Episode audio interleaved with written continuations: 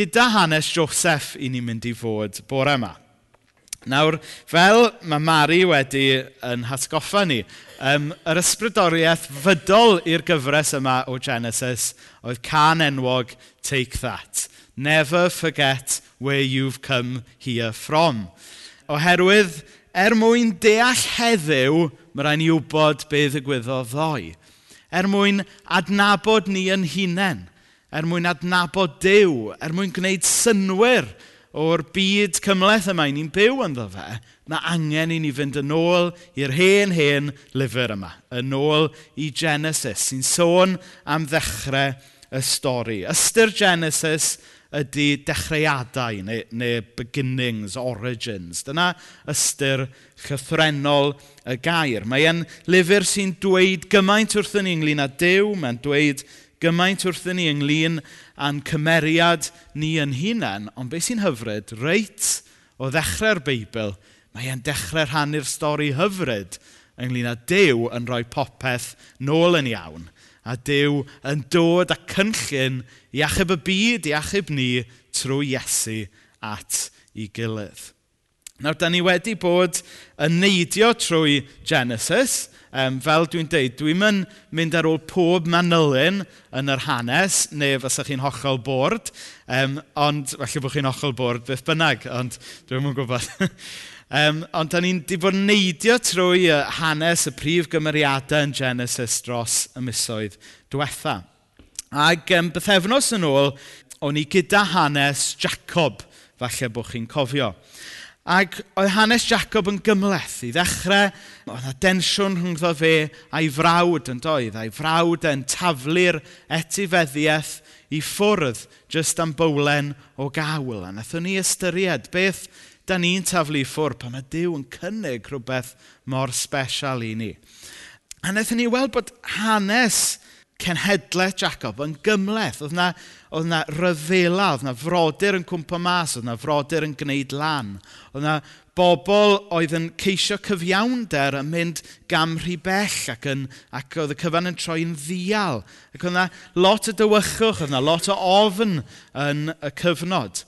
Ond wnaethon ni weld bod Dyw yn gallu gweithio trwy hynna. A, a'r thema fawr o'n i eisiau chi weld trwy hanes Jacob ac ymlaen nawr at Joseph yw, os ydy Dyw yn gallu gweithio trwy hanes y teuluoedd cymleth messed up yna ar lawer lefel, fe ach ddiw weithio yn yn bywydau ni. Achos stym un problem yn rhy fawr, stym un scandal yn rhy gywilyddus, stym un craith yn rhy ddofn i ddiw, a chi gweithio trwyddo fe. A mae mor bwysig bod ni'n cofio hynna. Achos mae'r byd yn dweithio ni, o, oh, mae dy broblem di yn rhy fawr. O, oh, ti, mae hwnna tu hwnt i chi cael ei sortio. O, oh, mae yna scandal fawr yn dy fywyd i. Bydd dim ffordd nôl i ti nawr. Mae'r graith yna yn rhy ddofn i unrhyw un a chi anhofio amdano fe. Wel, falle mai dyna mae'r byd yn dweud. Ond mae hanes y Beibl o'r dechrau y diwedd yn dweud bod Dyw yn gallu wneud yr amhosib. Mae Dyw yn cynnig maddeiant am bob bai, mae Dyw yn gallu gwella pob craith a pob clwyf sydd yn yn bywydau ni. Dyma yw'r newyddion da sy'n rhedeg trwy y Beibl, reit o ardd Eden. Falle bod chi'n cofio reit ar y dechrau pan nath adda cefa wneud, wneud llanast o bethau yng Ngardd Eden be mae Dyw yn wneud? Maen nhw'n teimlo cywilydd. Maen nhw'n gweld bod nhw'n noeth. Be mae Dyw yn wneud? Peth cyntaf mae Dyw yn wneud ydy delio gyda'i cywilydd nhw. Neu drwy condemnio nhw, ond drwy wneud dillad iddyn nhw. A dyna mae Dyw yn wneud, ynddo fe? Dyw, Dyw ddim yn rwbio unrhyw beth mewn, mae e'n rwbio fe allan. Fel pobl, da ni'n llawer rhy aml yn rwbio pechod mewn yn dydyn. Ond y newyddion da mi Iesu bod Dyw yn rwbio pechod allan. A ni'n gweld hwnna reit o ddechrau'r Beibl fan hyn yn llyfr Genesis. So, da ni'n ail ymuno gyda'r hanes nawr, gyda Joseph. Ac oedd Joseph, wrth gwrs, yn un o feibion Jacob. Nawr, mae yna gymaint allan ni ddweud am Joseph. A, a dyma ni'n pregeth sydd gyda fi wedi paratoi am Joseph. So mae yna lot o bethau gwych am stori Joseph, y gwersi sydd gan ddew i ni trwy stori Joseph, byddai ddim yn cyffwrdd, felly dwi'n ymddeheiro am hynny, ond falle gallwn ni fynd nôl ato fe rhywbryd eto. Um, un o'r pethau mwyaf diddorol am Joseph yw'r elfen o ddehongli breuddwydion, ynddo fe?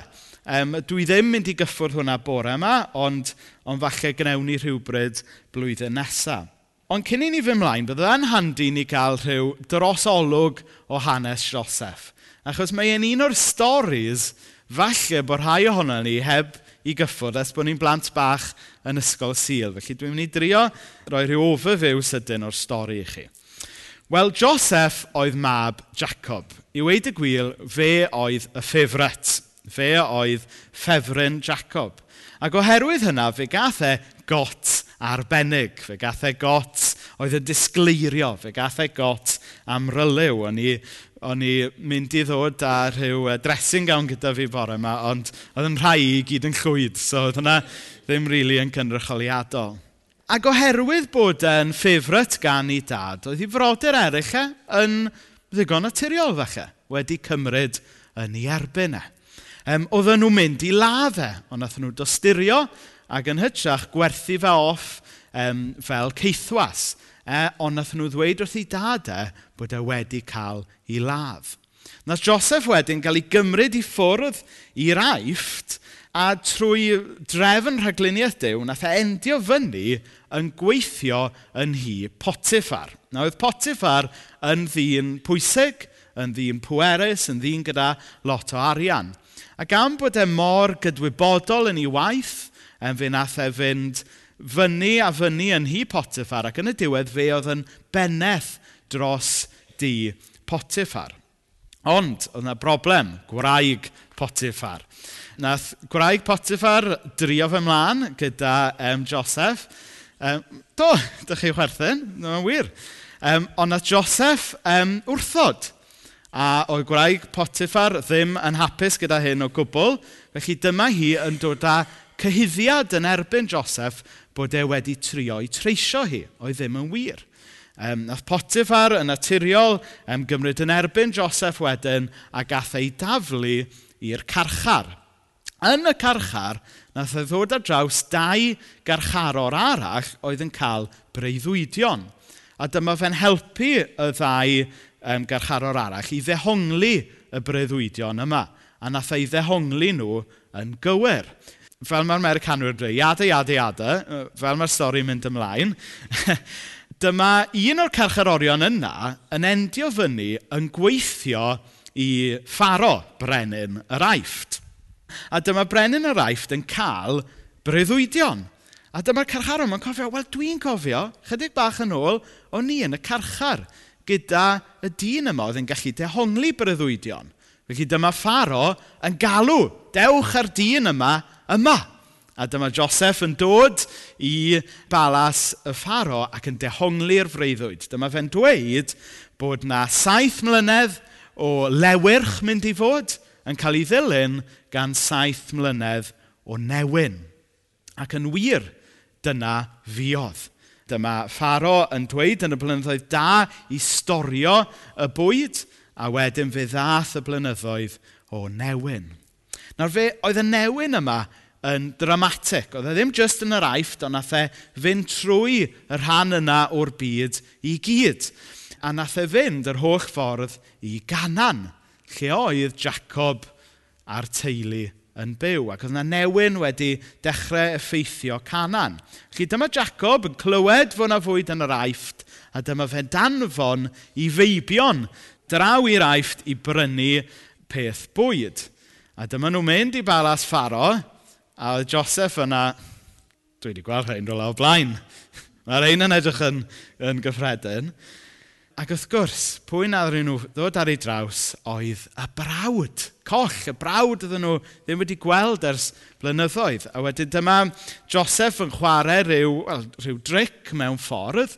Um, a, ac yna dyma nhw'n sylweddoli pwy oedd e. A dyma nhw, mae'n siŵr, yn, yn dychryn i ddechrau Ond wrth gwrs, na Joseph i maddau nhw. Na Joseph gymodi gyda nhw ar ôl yr holl flynyddoedd yma. Mae e'n hanes hyfryd, nes i ddarllen peth o fe i chi gynnau. A wedyn, mae Joseph basically yn achub i deulu hun.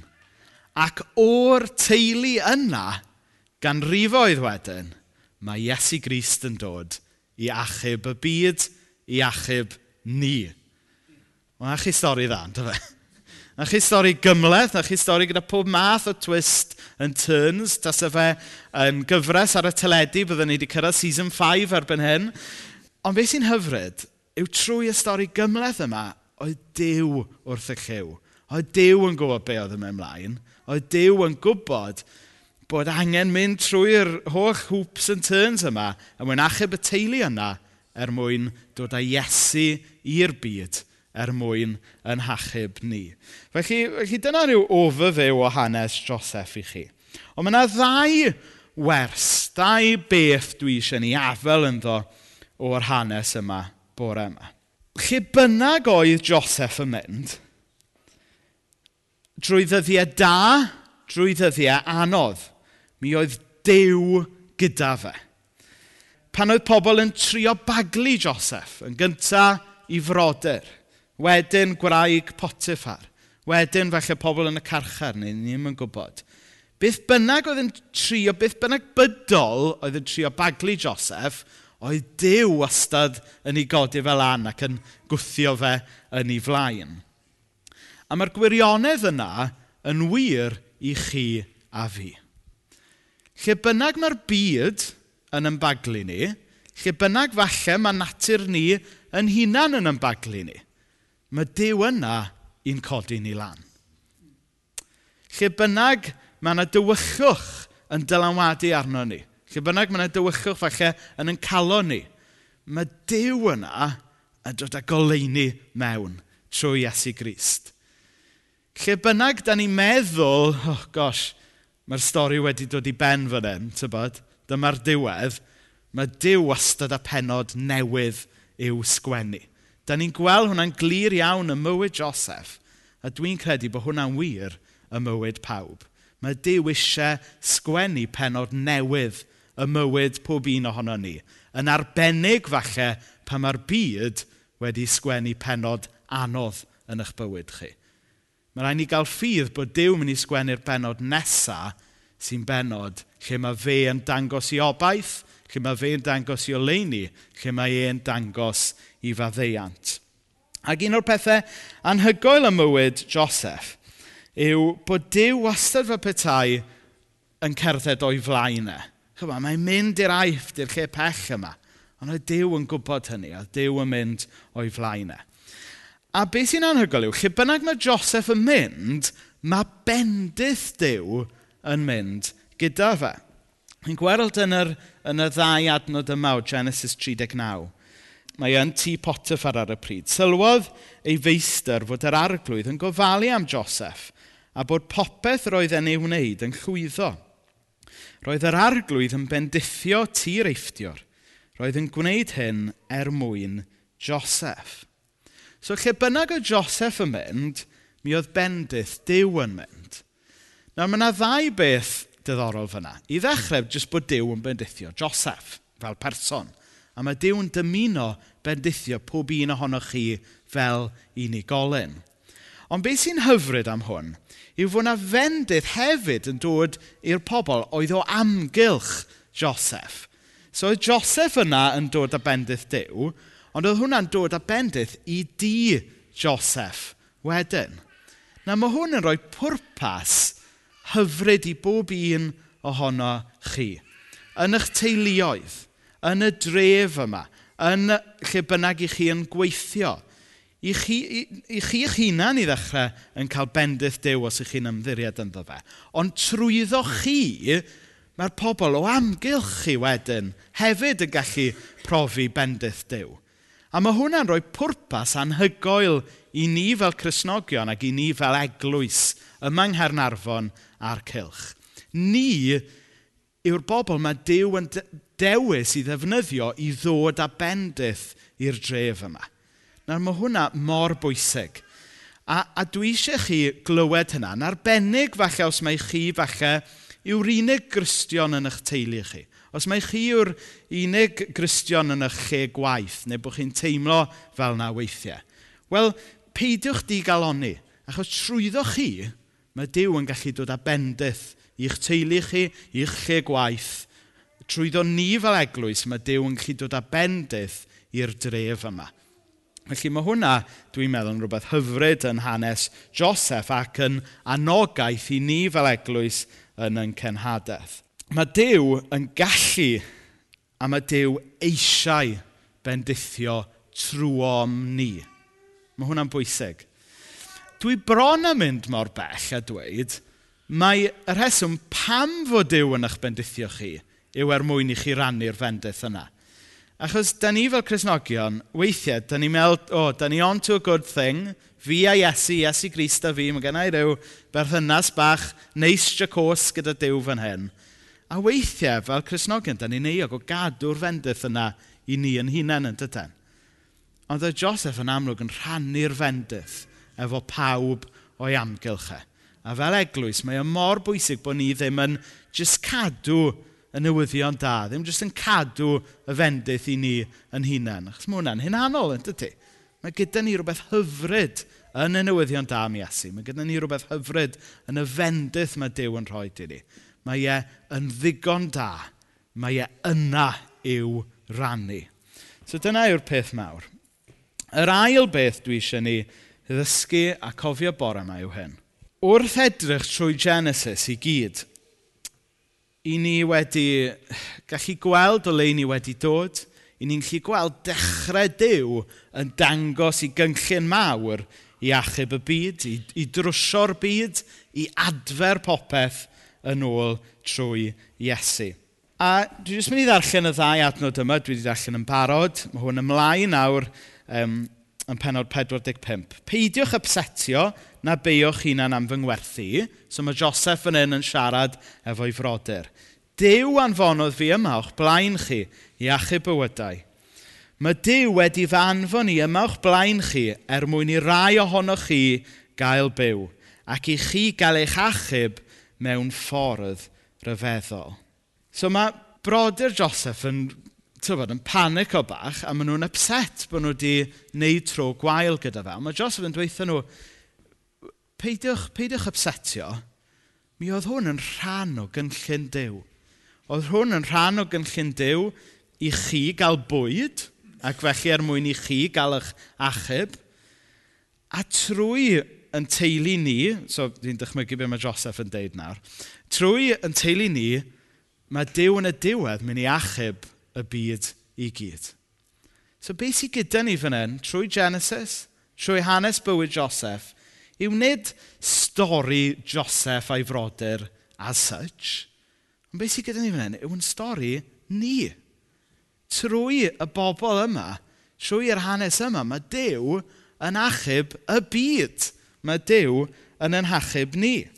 Felly, nid stori Adda ac Efa yw hwn, nid stori Noa, nid stori Abraham a Sara, nid stori Jacob a stori Joseph, Ond stori ni ydy hwn. Nawr ydy ni wedi sylweddoli dros y misoedd diwetha bod yr hen, hen stori yma yn stori sydd dal yn cael ei sgwennu.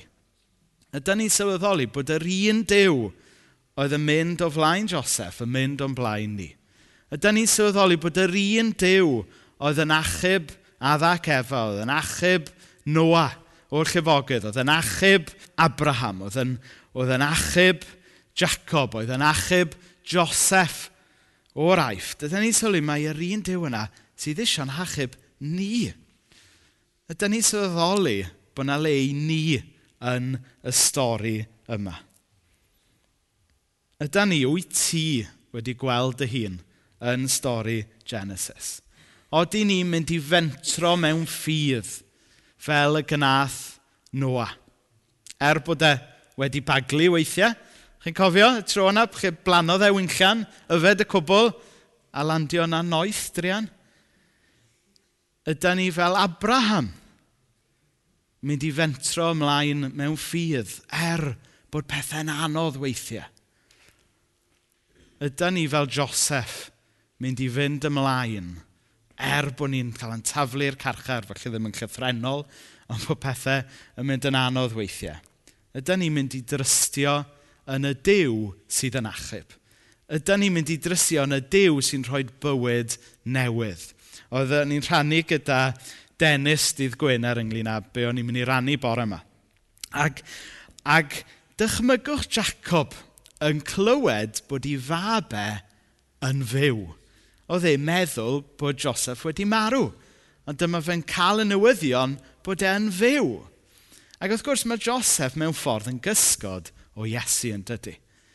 Ta, mi oedd pobl yn meddwl mai y diwedd oedd y groes, ond ddim y diwedd oedd y groes. Fe nath Iesu atgyfodi. So mae Iesu yn delio gyda gyd o'r cymlethdod yn yn bywydau ni, gyda'r cymlethdod yn yn calo ni. Ond dyw'r stori ddim yn gorffen gyda'r groes. Mae Iesu wedi atgyfodi. Mae e wedi rhoi gobaith i ni. Mae e wedi rhoi bywyd newydd i ni. Nawr, yn hanes bywydau cymleth bobl Genesis, da ni falle'n chi gweld peth o'n bywydau ni. Achos mae bywyd y Cristion, fel i chi gyd yn gwybod, mae e'n roller coaster, dydy? Fel wedi Rowan Keaton. Life is a roller coaster, baby. You just gotta ride it. A da ni'n gweld hwnna trwy hanes cymeriadau Genesis. Ond da ni'n gweld Dyw gyda nhw. A mae Dyw yn cerdded gyda ni Mae Dyw yn delio gyda ni. Mae Dyw yn rhoi gobaith i ni. Felly, pob tro byddwch chi'n troi at Genesis, a please trowch at Genesis, achos dwi ddim wedi gwneud cyfiawnhad ar y stori i gyd o bechffordd. Ond pob tro trowch chi at Genesis, peidiwch ei ddarllen e fel hen hen stori. Darllenwch e fel eich stori chi. Er mwyn i enw. Amen.